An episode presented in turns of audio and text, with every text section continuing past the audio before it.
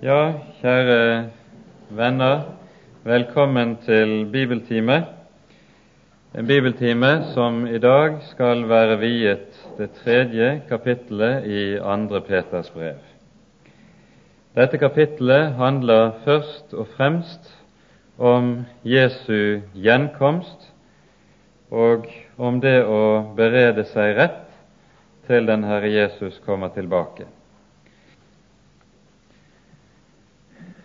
La oss be sammen. Kjære Herre, du trofaste og hellige Gud. Vi takker og lover deg for all din nåde, for all din godhet og for all din langmodighet imot oss.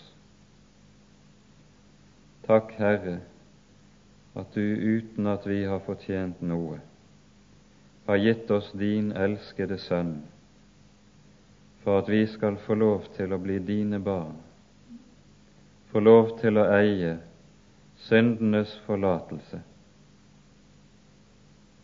Og Herre, få lov til å stå under din omsorg med alle ting i livet.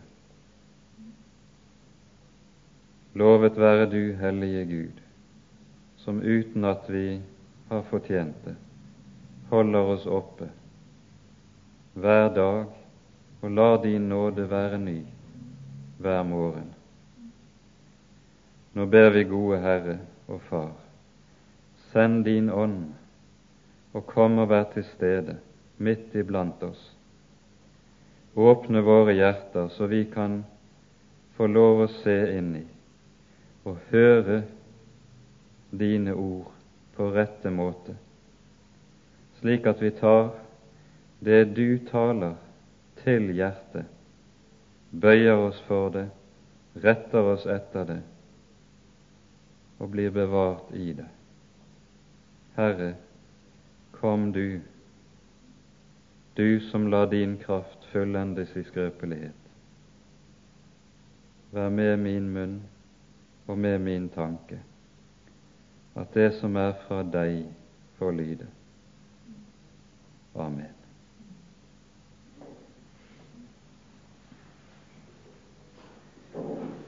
Sist gang så var vi altså sammen om det andre kapittelet i 2. Peters brev, der apostelen tar opp den vranglære eller den forførelse som truet de kristne menigheter, og det som kjennetegnet denne vranglære, det var at den gikk Det var en lære, falsk lære om den kristne frihet, som gjorde at de kristne mente de hadde frihet fra loven, frihet til å synde, og dermed var Guds bud ikke lenger bindende for dem.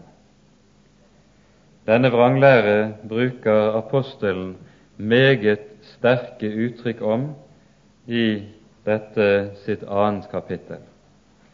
Og skal vi summere det opp, så kan det kanskje best gjøres gjennom det at, som står i det første verset, de lurer inn vrange lærdommer som fører til fortapelse. Det er det store alvoret med all vranglære. Den fører mennesker bort fra Jesus. Det leder mennesker vill, slik at de ledes inn i fortapelsen i stedet. Derfor er det Den hellige Skrift, både her og i en rekke andre sammenhenger, advarer meget innstendig og meget sterkt og meget alvorlig mot enhver form for vranglære og avvik fra Guds ord. Det vi som Guds folk er kalt til, er ikke å øve kritikk mot Guds ord, men tvert om å ta vare på det som en dyrebar skatt. Vi skal ikke si så svært meget mer om dette i dag, men dette danner altså innledningen til det tredje kapittelet, og da leser vi igjennom hele dette kapittel.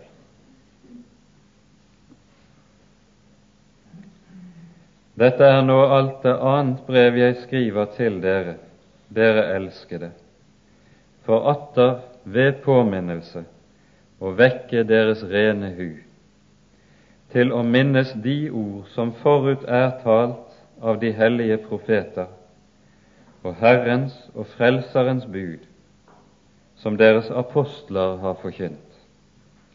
Idet dere først og fremst vet dette, at i de siste dager skal det komme spottere med spott, som farer frem etter sine egne lyster, og sier, Hvor er løftet om Hans gjenkomst? For fra den tid fedrene sov inn, vedblir jo alle ting som de var, fra skapningens begynnelse. For de som påstår dette, er blinde for at det fra gammel tid var himler og en jord, som var blitt til ut av vann og gjennom vann ved Guds ord, og derved gikk den verden som da var, under i vannflommen. Men de himler som nå er, og jorden er ved det samme ord spart til ilden idet de oppholdes inntil den dag da de ugudelige mennesker skal dømmes og gå fortapt. Men dette ene må dere ikke være blinde for, dere elskede, at en dag er i Herrens øyne som tusen år, og tusen år som en dag. Herren er ikke sen med løftet, således som noen akter det for senhet men han har langmodighet med dere, da han ikke vil at noen skal fortapes, men at alle skal komme til omvendelse. Men Herrens dag skal komme som en tyv, og da skal himlene forgå med stort brak, og himmellegemene skal komme i brann og oppløses, og jorden og tingene på den skal oppbrennes. Da nå alt dette oppløses, hvor må dere da strebe etter hellig ferd og Guds frykt, idet dere venter på og fremskynder Guds dags komme, hvorved himlene skal oppløses i ild og himmellegemene smelte i brann. Men vi venter etter Hans løfte nye himler og en ny jord hvor rettferdighet bor. Derfor, dere elskede, da dere venter dette, så legg vind på å bli funnet uten flekk og lyte for ham i fred. Og akt vår Herres langmodighet for frelse, således som òg vår elskede bror Paulus har skrevet til dere, etter den visdom som er ham gitt like som òg i alle sine brev når han i dem taler om dette. I dem er det noe som er svært å skjønne, og som de ulærde og ubefestede tyder vrangt, som de òg gjør med de andre skrifter, til sin egen undergang. Så må da dere elskede, som forut vet dette, ta dere i vare at dere ikke skal bli revet med av de ugudeliges forvillelse og falle ut av deres egen faste stand, men voks i nåde og kjennskap til vår Herre og Frelser Jesus Kristus. Ham være æren både nå og til evig tid. Amen.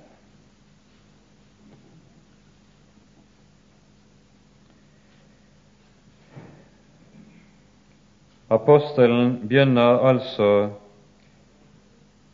dette kapittelet med å minne om at dette er det andre brevet han skriver til dem. For ved påminnelse å vekke, skriver han. Med det gjentar han noe han skrev i det første kapittelet i dette samme brevet, der det også er tale om å vekke gjennom påminnelse. Påminnelse betyr jo at da forkynnes det noe som de har hørt tidligere, ting som altså ikke i og for seg er nytt for dem. Og Dette er noe som hører med som en grunnleggende del av all sann kristen forkynnelse. Sann kristen forkynnelse skal ikke komme med noe som er nytt i kvalifisert forstand. Sann kristen forkynnelse det er forkynnelse som bærer frem det som er gitt i Skriftene, og det som vi har hørt, og det som vi er blitt opplært i. Derfor kalles det for å minne og å påminne. Et godt bilde på nettopp dette og nødvendigheten av slikt det har vi i det andre Moseboks fortelling om da mannaen ble gitt Israel i ørkenen. Da husker dere det var slik, det står i 2. Moseboks 16. kapittel, at Gud hver dag lovet å gi folket ny manna, ny mat. Og de skulle ikke gjemme noe til den neste dag. Når noen prøvde på det, så står det da luktet den ille, og det gikk makk i den. Og slik er det med oss som kristne òg, at det ord vi får fra Gud, som vi får forkynt, og som likesom er ny mat for hjertene, det er likesom slik at det blekner etter en tid. Og så trenger vi å minnes på ny om det, slik at ordet likesom blir nytt når det forkynnes rett. Det blir nytt, selv om det egentlig er det samme vi vet og har hørt før. Mannaen ble gitt ny hver morgen, og slik skal kristen forkynnelse også være. Dette innebærer at denne vår tids rastløse trang til stadig å få noe nytt, det er noe som er farlig for den kristne menighet. Når man kommer i den stilling at man innbiller seg at man kan og man vet alt i det kristne budskap, og at man egentlig ikke trenger å høre det på ny, høre det om igjen, da har budskapet, da har ordet sluttet å være mat, og det er i stedet blitt noe som bare sitter i hodet som en teori og som en kunnskap.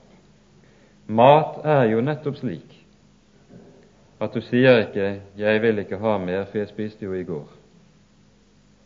Nei, du trenger ny mat hver dag. Derfor eter vi vårt daglige brød. Og det er fordi Jesus vil være livets brød.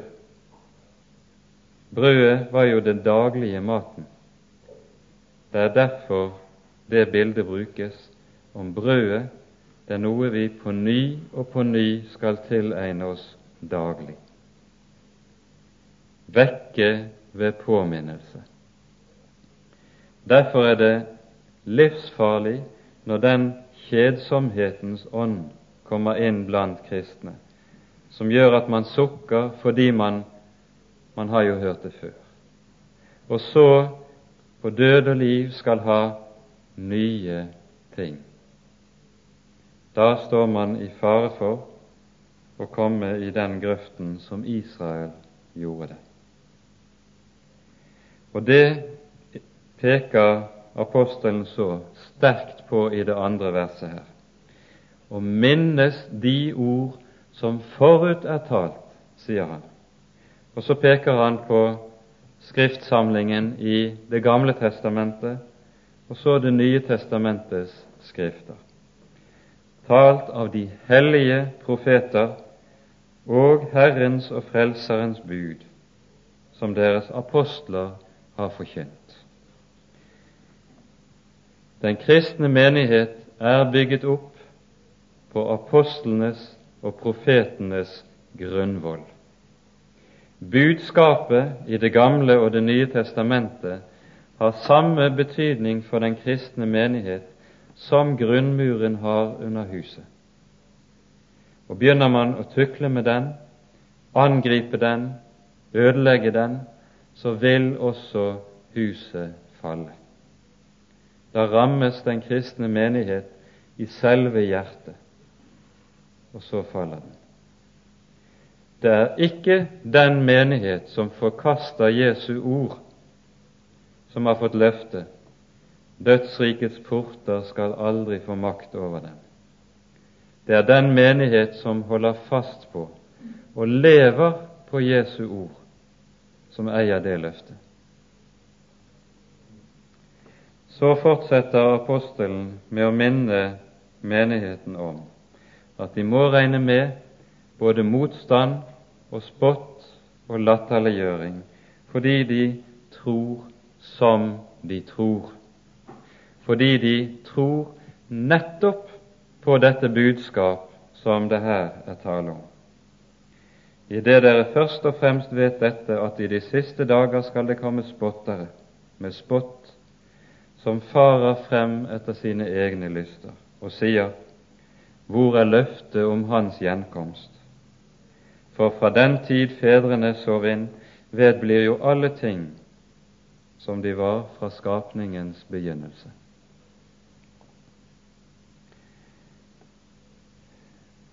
En grunnleggende del av den kristne barnelærdommen, det er budskapet om Jesu gjenkomst. Flere steder i Det nye testamentet beskrives jo den kristne tro nettopp som det å vente, vente på Herrens komme. Og Derfor ser vi også at de første kristne levde i en levende forventning om Herrens komme. Men det som kjennetegnet spotterne, det var nettopp at de fornektet dette. Når det dryget med Herrens komme, så svulmet hjertene hos dem i selvsikkerhet. Og den formen for selvsikkerhet som ikke frykter, ikke frykter Herren, den selvsikkerheten er det som nettopp preger disse vranglærerne, som apostelen har advart så sterkt imot i det foregående kapittelet. For hadde de virkelig trodd, og hadde de virkelig fryktet Herrens komme, så hadde de heller ikke våget å tale og lære som de gjorde, og føre Herrens folk vill. Derfor ser vi at det gjerne er et kjennetegn ved svært meget vranglære, særlig på dette området som har med etikken å gjøre. Da forkastes eller forties budskapet om Jesu komme. Dette henger sammen med en viktig sannhet som vi leser i Predikerens bok i det åttende kapittel. Der leser vi slik.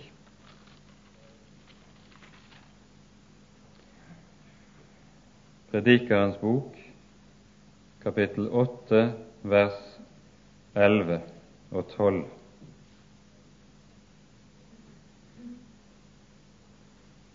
Fordi dommen over den onde gjerning ikke fullbyrdes straks. Derfor svulmer hjertet i menneskenes barn så de drister seg til å gjøre det som ondt er. Fordi synderen hundre ganger gjør det som ondt er, og allikevel lever lenge. Dog vet jeg jo at det skal gå den gudfryktige vel, fordi de frykter Gud. Ja, her ser vi noe som er meget karakteristisk for menneskene. Når Gud venter med å gripe inn, venter med å skride inn til dom overfor den som lever i synd, den som går sine egne veier, så er det fordi han er langmodig. Men den som forherder seg, han ser ikke at det er Guds nåde som venter med dommen. I stedet tenker han det er ingen Gud, det er ingen dom, det er ingen frelse. Da kan vi leve som vi selv vil. Da kan vi leve som det passer oss. Og så går man sine egne veier.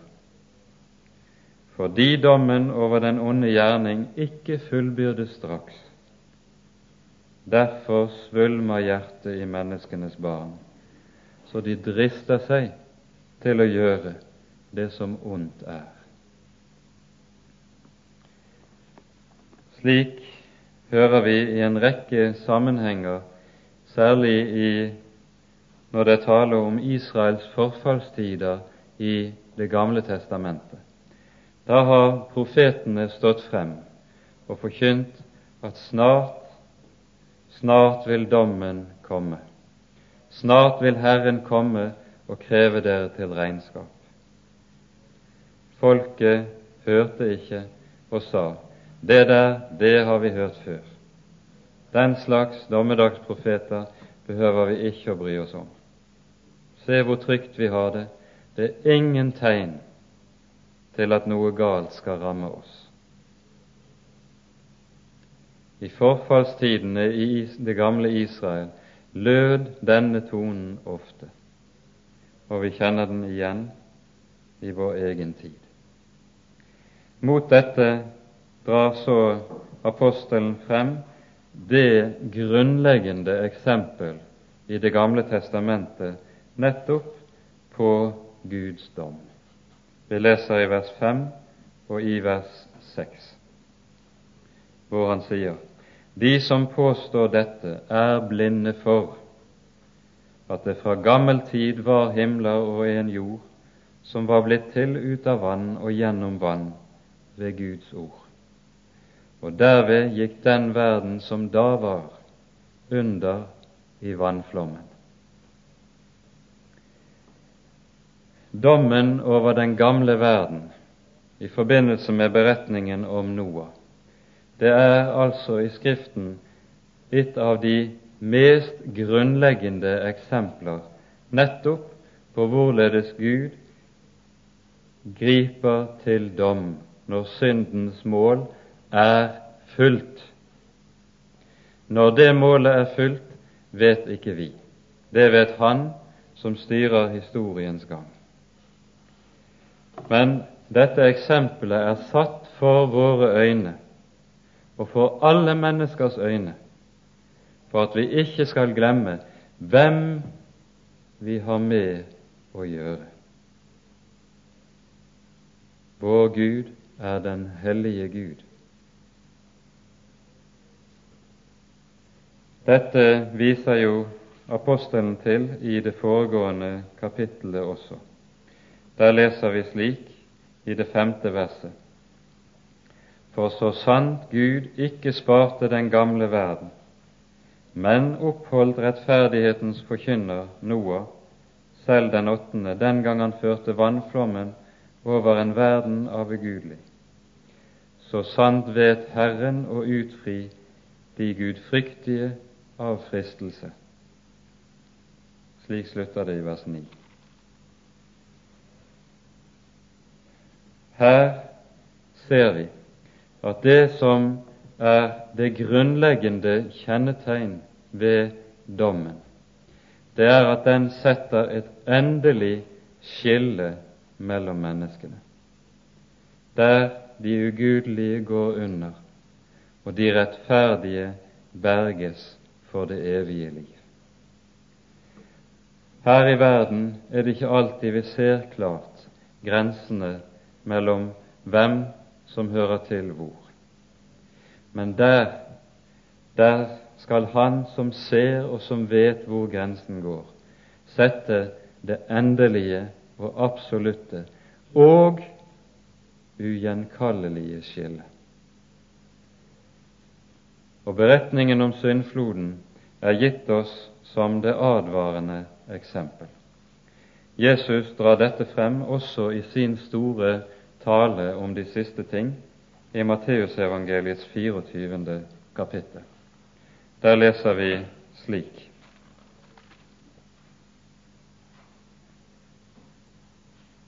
fra vers 37. Som Noas dager var, således skal menneskesønnens komme være.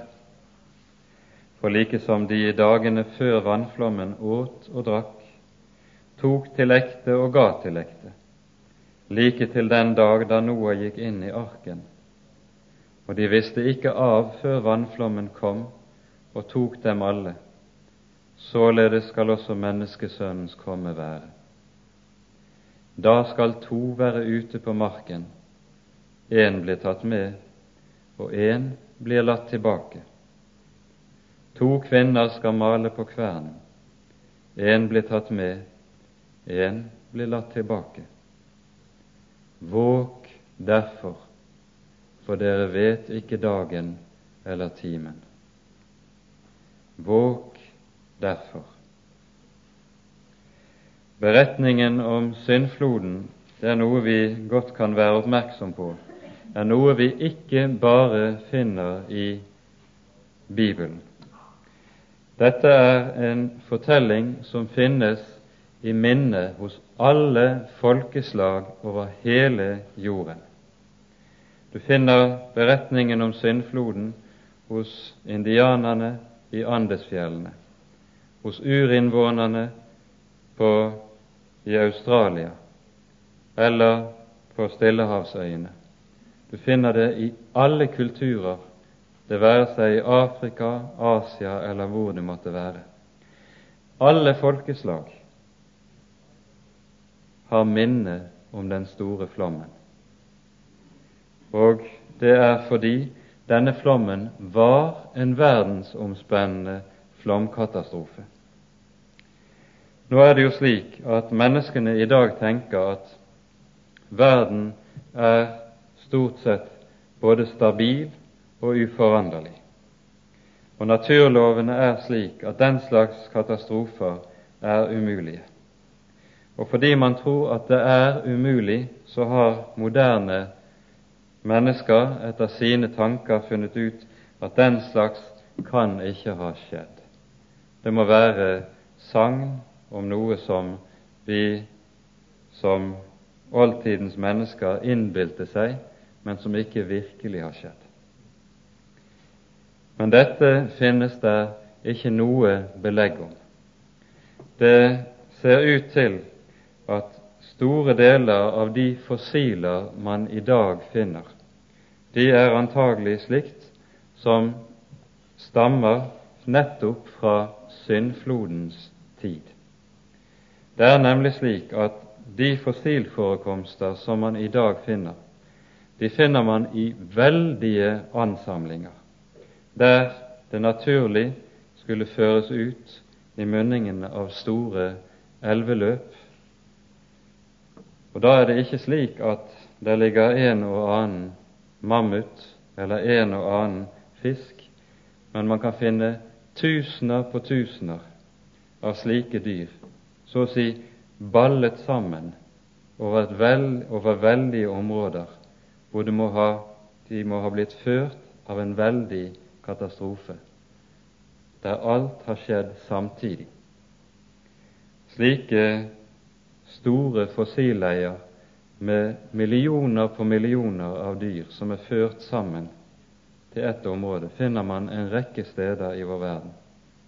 Og slik skulle det disse funnene som man har oppdaget i nyere tid, rikelig belegge at det er ikke urimelig at det nettopp er sant det Skriften forteller om en flomkatastrofe som rammet hele vår klode.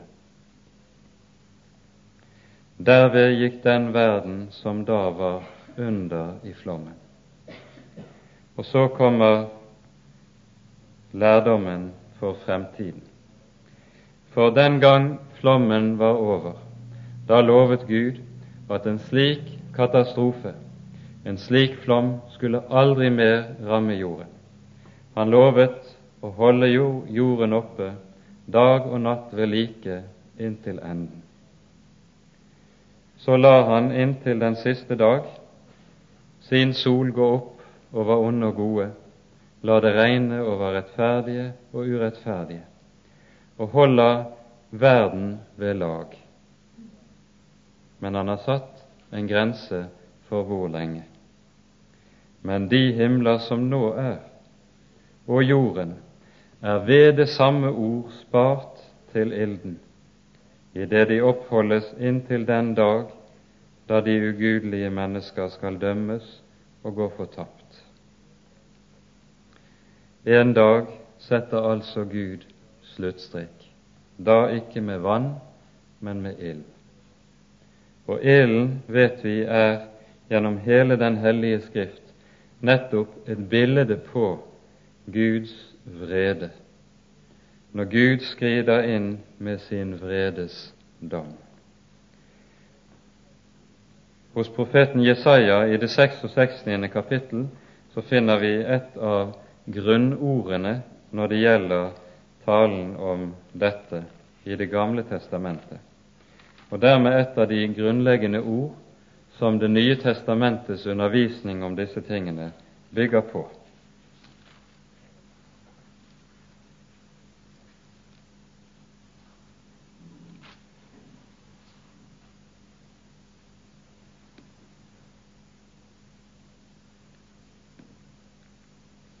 Vi leser fra vers 15. For se, Herren skal komme i ild, og hans vogner skal være som en stormvind, for å gjengjelde med sin vrede i glødende brann, og med sin trussel i ildsluer. For med ild skal Herren holde dom. Slik tales det her hos profeten, og så lenger ute i det samme kapittel, i vers 22, tales det om de nye himler og den nye jord. Det kommer vi tilbake til lenger ute i kapittelet. Men nå er det slik at i tider hvor Guds folk opplever nød og vansker, da, sånn som det var på den tid da Petersbrevet her var skrevet. Da er det slik at da melder det spørsmål seg meget snart hvor lenge? Hvor lenge skal det vare? Hvor lenge skal vi tåle å bære alt dette som nå skjer? Eller som det sies et sted hos Jesaja, hvor langt på natt? Vekter hvor langt er det på natten? Man liksom Av nøden så løftes øynene fremover, og lengselen styrkes. Det samme grunntonen møter vi f.eks. i åpenbaringsbokens sjette kapittel, der vi hører om Guds folk som blir forfulgt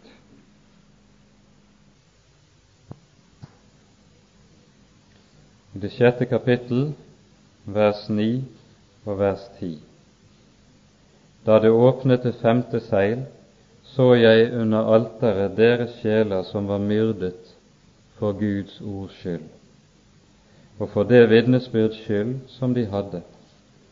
Og de ropte med høy røst, Herre, du hellige og sandrue, hvor lenge skal det vare før du holder dom. Hvor lenge, hvor lenge? Det spørsmålet melder seg ofte i trengselstider, og vi ser jo det ikke minst i Salmenes bok, der nettopp dette spørsmål reises ofte. Hvor lenge, Herre? Og da er det de minnes om dette, dere elskede, må dere ikke være blinde for. Herrens tidsregning er en annen enn vår. Og det vi kan synes er lenge, er ikke langt i Hans øyne. Og når det er slik at Herren dryger, når det er slik at Han venter med å gripe inn, og vi kan synes Han venter urimelig lenge, så har det sin helt bestemte grunn. Herren er ikke sen, som noen akter det for senhet, men han er langmodig. Han er langmodig med dere. Det betyr at det er Guds nåde som venter.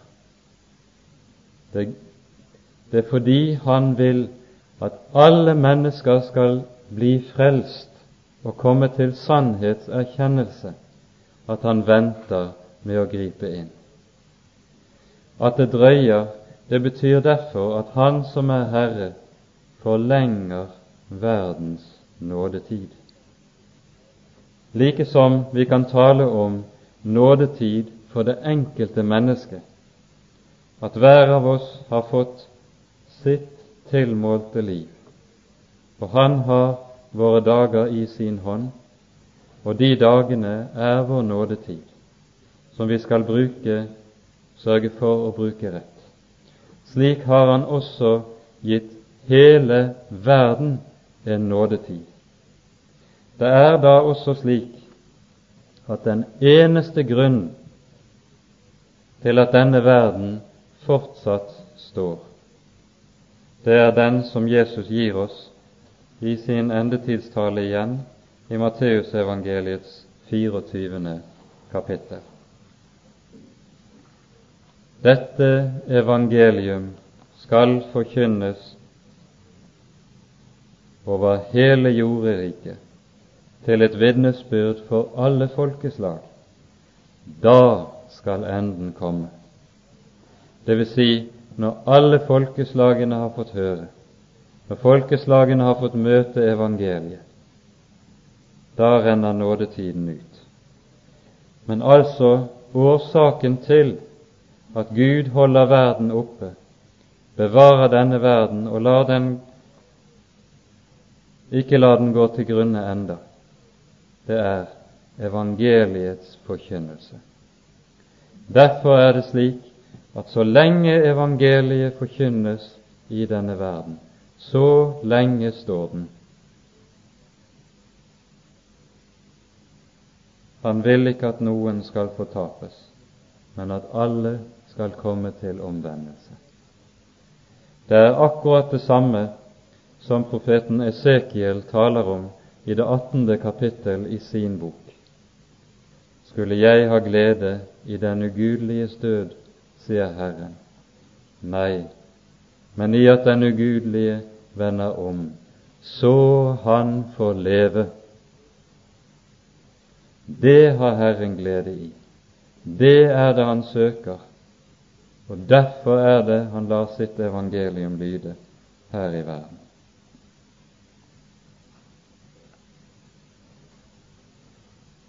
Så kan vi synes at Gud drøyer med å gripe inn, at han drøyer urimelig lenge. Ja, han lar oss få lov til å leve ufortjent lenge. Men det er nettopp fordi han er nådens Gud, at han lar den stå, verden stå for, ved lag ufortjent. Men så kommer til slutt dagen som vi leser om i det tiende verset. Herrens dag skal komme som en tyv. Dette bildet med tyven brukes jo mange ganger i Det nye testamentet, og Jesus bruker det i flere av lignelsene sine som en formaning til å våke. Vi vet ikke når dagen er der, Våg derfor. Dagen kommer brått og plutselig. Våg derfor. At den kommer plutselig, betyr at den ikke kan forutsies, at den ikke av noen kan kalkuleres ut fra de foreliggende omstendigheter. Vi kan ane dagen nærmer seg, men vi kan ikke si nå står den for døren. For når Jesus sier 'ingen vet dag eller time', ja, ikke engang menneskesønnen, da er den kunnskapen stengt for oss. Vår sak er å våke, så la Herren det komme i sin time. Og så sies det da skal himlene forgå med et stort brak. Himmellegemene skal komme i brann og oppløses. Jorden og tingene på den skal oppbrennes. Da skal det skje ting både i himmel og på jord, som intet menneske har kunnet vente eller forutsi. Ingen vitenskapsmann har kunnet beregnet seg til på grunnlag av sin kunnskap om naturens lover. For da skal hele skaperverket rakne og gå i oppløsning. Ikke bare jorden, men alt som overhodet er skapt i vårt univers, skal ramle og gå til grunne. Det skal gå i brann, gå under i brann og oppløses. Det skjer den dagen. Og Her tror jeg vi har lov til å benytte det bildet som Jesus bruker i en annen sammenheng, når han nemlig taler om seg selv i Johannesevangeliets tolvte kapittel. Der sier han dersom ikke hvetekornet faller i jorden og dør, da blir det bare det ene korn, men dersom det dør, bærer det megen frukt. Slik skal det på sett og vis også være med vår jord og med universet den dagen. Det skal så å si legges i jorden og dø, for at det nye skal komme og spire frem. Vi leser i vers 13.: Men vi venter etter Hans løfte nye himler og en ny jord, hvor rettferdighet bor. Det er det som skal spire frem. Og det kommer til vår verden først den dagen. Når menneskene forsøker å lage seg paradis på jorden, da vet vi hvordan det er gått. Det har alltid gått galt. Og jo sterkere menneskene har trodd at de skulle klare å skape paradis på jorden, jo verre er det blitt. Vi kan tenke på den kommunistiske ideologi som kanskje det aller beste eksempelet. Målet var paradis i arbeidernes utopier. Virkeligheten ble redselsleirene i Sibir, utryddelsen av millioner på millioner av mennesker. Slik går det når menneskene vil prøve på det. Denne verden kommer alltid til å være beheftet med synd og elendighet. Paradis kan vi mennesker ikke skape oss men den dagen skal det spire frem. For paradis kommer ikke til vår jord før synden er borte. Det som kjennetegner oss mennesker, nettopp i vår trang etter å opprette paradis på jord, er at vi prøver å opprette det uten å utrydde synden. Og derfor går det galt. Så lenge synden er i verden, kan det aldri bli noe paradis. Kan det aldri bli noe himmelsk rike i vår verden. Så sier altså apostelen, og nå skal vi legge merke til, at nettopp dette er det vi venter. Det skal drive oss til Guds frykt. Da nå alt dette oppløses, hvor må dere da strebe etter hellig ferd og Guds frykt? Vi vet hva vi venter. Vi vet hvem vi venter. Hvor må dere da strebe etter hellig ferd og Guds frykt? Vi kunne også lese noen vers fra Romerbrevets 13. kapittel i denne sammenheng, ord som vi trenger ofte å komme tilbake til og grunne på.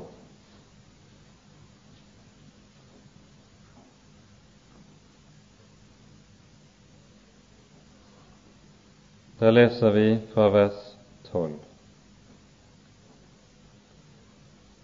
Det lider med natten det stunder til dag.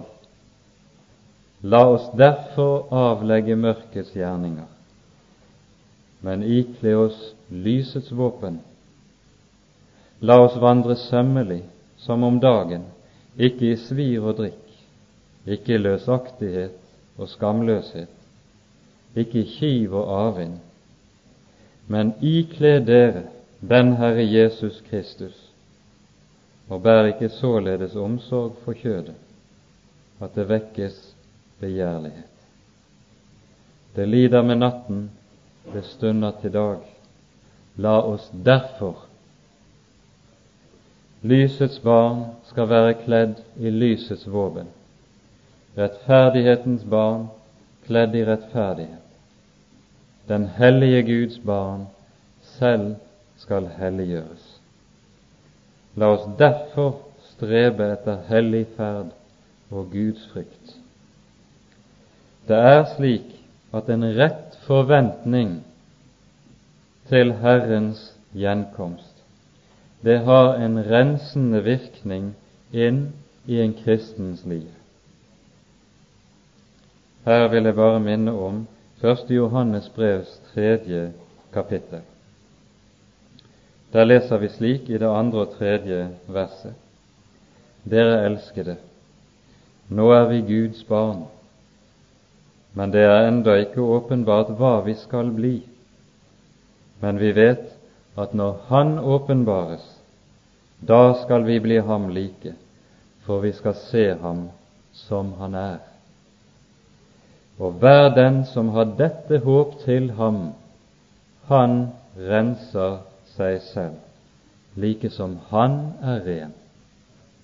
Legg merke til her forbindes nettopp disse to ting, forventningene og det å renses til et hellig liv i Guds frykt.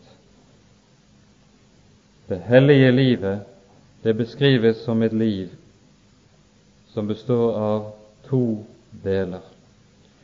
Å fly synd og venne seg til Jesus. Det er de to grunnleggende delene i det hellige livet. Og de sammenfatter vi i det som kalles for den daglige omvendelse. Fordi synden er noe som henger ved oss alltid, som vi aldri blir ferdig med å bli kvitt så lenge vi er her i verden. Derfor er det også slik at vi aldri blir ferdig med omvendelsen. Det er noe en kristen må gjøre hver dag, og hver dag søke til sin Herre og sin Frelser for å få nåde. Det er grunnbestanddelene i det kristne livet, det hellige livet. Så kommer det et vers, vers 12, som er et underlig ord. Og man kan vel ikke si med 100% sikkerhet hva dette ordet betyr. Men her sies det i det dere venter på og fremskynder Guds dags komme, hvorved himlene skal oppløses i ild og himmellegemene smelte i brann. Å fremskynde Guds dags komme. Hvordan kan Guds folk gjøre det? Den mest rimelige forklaringen er at det her tenkes på det Jesus sier i Matteusevangeliets 24. kapittel igjen, nemlig dette evangelium om riket skal forkynnes for alle folkeslag, så skal enden komme. Det vil si forkynnelsen av evangeliet Forkynnelsen av evangeliet gjennom verdensmisjonen, det er med og fremskynder den dagen. Det er ikke urimelig at det er nettopp det som ligger i dette ordet, og da innebærer dette at verdensmisjonen kanskje er den faktor i historien som sterkest virker til å gjøre ende på verdens smerte på verdens nød, på verdens ondskap. Den fremskynder Guds dags komme. Det er perspektivet på misjonen. Og det sier litt om hvorledes vi prioriterer. Det er jo blitt vanlig i vår materialistiske tid å tenke som så at det som nytter, det er å gi materiell hjelp til menneskene. Og det skal man for all del gjøre. Intet galt er det å si om å hjelpe mennesker. Men Guds folk har noe de kan gi, og som de kan gjøre, som ingen andre kan gjøre. Vi kan sende bud med evangeliet. Vi kan gi til misjonen, og ved det gi en uhjelp om vi skal bruke det uttrykket, som er av en betydning av veldige dimensjoner som vi knapt kan se rekkevidden av, annet enn i lys av disse Guds ord som vi her har for oss. Så sies det på ny, derfor, dere elskede, da dere venter dette, legg vind på å bli funnet uten flekk og lyte for ham i fred. En ny minnelse når det gjelder det kristne livet. Og dette så meget mer som de sto under det stadige presset fra vranglærerne, som ville ha dem bort fra helliggjørelsen og inn i verdsliggjørelsen. Og da henvises det til noe som er viktig å merke seg i denne sammenheng. Akt vår Herres langmodighet for frelse, således som òg vår elskede bror Paulus har skrevet til dere, etter den visdom som han er gitt. Altså, det er jo selve innholdet i Paulus' brever nettopp dette. Det er Guds nåde, det er Guds langmodighet som er vår frelse. Vi har ingen frelse enn den som er gitt oss i Hans nåde. Og ingen har klarere utlagt dette for Guds folk er nettopp apostelen Paulus. Men så sies det i det neste verset, like som òg i alle sine brev når han i dem taler om dette. I dem er det noe som er svært å skjønne og som de ulærde og ubefestede tyder vrangt, som de òg gjør med de andre skrifter, til sin egen undergang. En av de måtene å uttyde Paulus sine brever på vrangt, som apostelen her omtaler, de nevner Paulus selv et par ganger i romerbrevet. I Romerbrevets sjette kapittel vers 1 så sier Paulus Hva da? Skal vi holde ved i synden for at nåden kan bli desto større? For i det siste verset i det foregående kapittelet, der har han sagt Men hvor synden ble stor, ble nåden enda større. Og så reiser spørsmålet, som Paulus tydelig har fått på ny og på ny fra fariseerpartiet. Og Jesus var også møtt med det samme. Da kan dere jo holde ved med synden. og så blir nåden større. Og det er åpenbart at de vranglærere som apostelen omtaler i kapittel 2, de har nettopp brukt Paulus' brever på denne måten. Budskapet om Guds nåde for intet tas til inntekt for at man kan leve som man vil. Hvorfor skal jeg da forandre levesett, når jeg får alt for intet? Slik tenkte vranglærerne, slik forkynte de, og slik misbrukte de Guds ord. Og som da, så nå. Og da ser vi at det er intet nytt under solen. Allerede i bibelsk tid så vi tydelig nøyaktig det samme som vi så som vi ser for våre øyne i dag. Men det å være en kristen, hva er det? Det er å komme til Jesus med sin synd for å få den tilgitt. Det er ikke å komme til Jesus med sin synd for å få den akseptert. Mellom de to ting er det et svelg og en avgrunn. Mellom de to, ting er det selve forskjellen mellom frelse og fortapelse. Derfor skal vi ta oss i vare for de som vil utlegge Guds ord slik som om budskapet om Guds nåde betød lev som du vil. Det har det aldri betydd. Så slutter brevet av slik. Så må da dere elskede, som forut vet dette, ta dere i vare, at dere ikke skal bli revet med av de ugudeliges forvillelse og fare ut av deres egen faste stand, men voks i nåde og kjennskap til vår Herre og Frelser Jesus Kristus. Ham være æren både nå og til evig tid. Det bildet som apostelen bruker i det 17. verset, det er liksom av et menneske som står ute i en rivende strøm, i en rivende elv. Da må man ha fast fotfeste under bena for ikke å bli revet med strømmen. Og slik er det nettopp å være en kristen her i verden.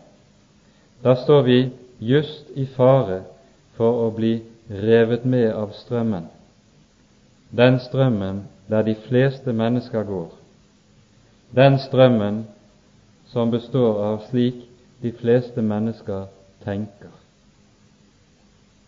Vokt dere så dere ikke blir revet med. Det innebærer at en kristen allerede i utgangspunktet må være seg klart bevisst at det å høre Jesus til, det er å gå mot strømmen. Det er ikke å følge strømmen. Det er å gå mot strømmen, og dermed også å ta de omkostninger som nødvendigvis må følge av det. De omkostningene kaller Jesus for å ta opp korset og følge ham etter. Vi er ikke lovet noe annet i denne forstand av ordet i denne sammenheng. La dere ikke rives med, men voks i nåde og kjennskap til vår Herre og Frelser Jesus Kristus. Og legg merke til at dette settes opp som alternativet til det å bli revet med av strømmen. Voks i nåde og kjennskap til vår Herre og Frelser. Det innebærer at det å la seg prege av tiden det å la seg prege slik at man rives med av strømmen, det hindrer den kristne vekst. Voks i nåde og kjennskap. Det er en vekst som kristen, og den veksten består i å vokse i nåde og i kjennskap til Jesus. Det er ikke slik som vi ofte kan høre mennesker si når det gjelder budskapet i evangeliet. Det har vi hørt, det kan vi, nå trenger vi noe annet. Nå må vi gå videre, nå må vi utvikle oss. Nå kan ikke vi stå i disse gamle sannhetene lenger. Nei, det å være en kristen, det er ikke å vokse ut av grunnsannhetene, men det er å vokse stadig dypere inn i dem. Voks i nåde og kjennskap til den Herre Jesus Kristus. Det å vokse som kristen, det er først og fremst vekst i kunnskapen om Jesus, hvem han er, hva han har gjort for oss, og hva det innebærer det å høre ham til. Hvor stort det er, og hvilket under det er å få lov å være hans egen. Voks i nåde og kjennskap til den Herre Jesus Kristus. Derfor er det Jesus taler så meget og så sterkt om å bli i ham. Bli i meg, jeg er vintreet, dere er grenene. Bli i meg, da bærer dere frukt. For den kristen som blir i Jesus, i ham tar Jesus selv og vinner skikkelse. Den kristen der Jesus vinner skikkelse, han er rede til den dagen Jesus kommer tilbake, som er innholdet i hele dette avsnittet. Ham være æren både nå og til evig tid. Amen.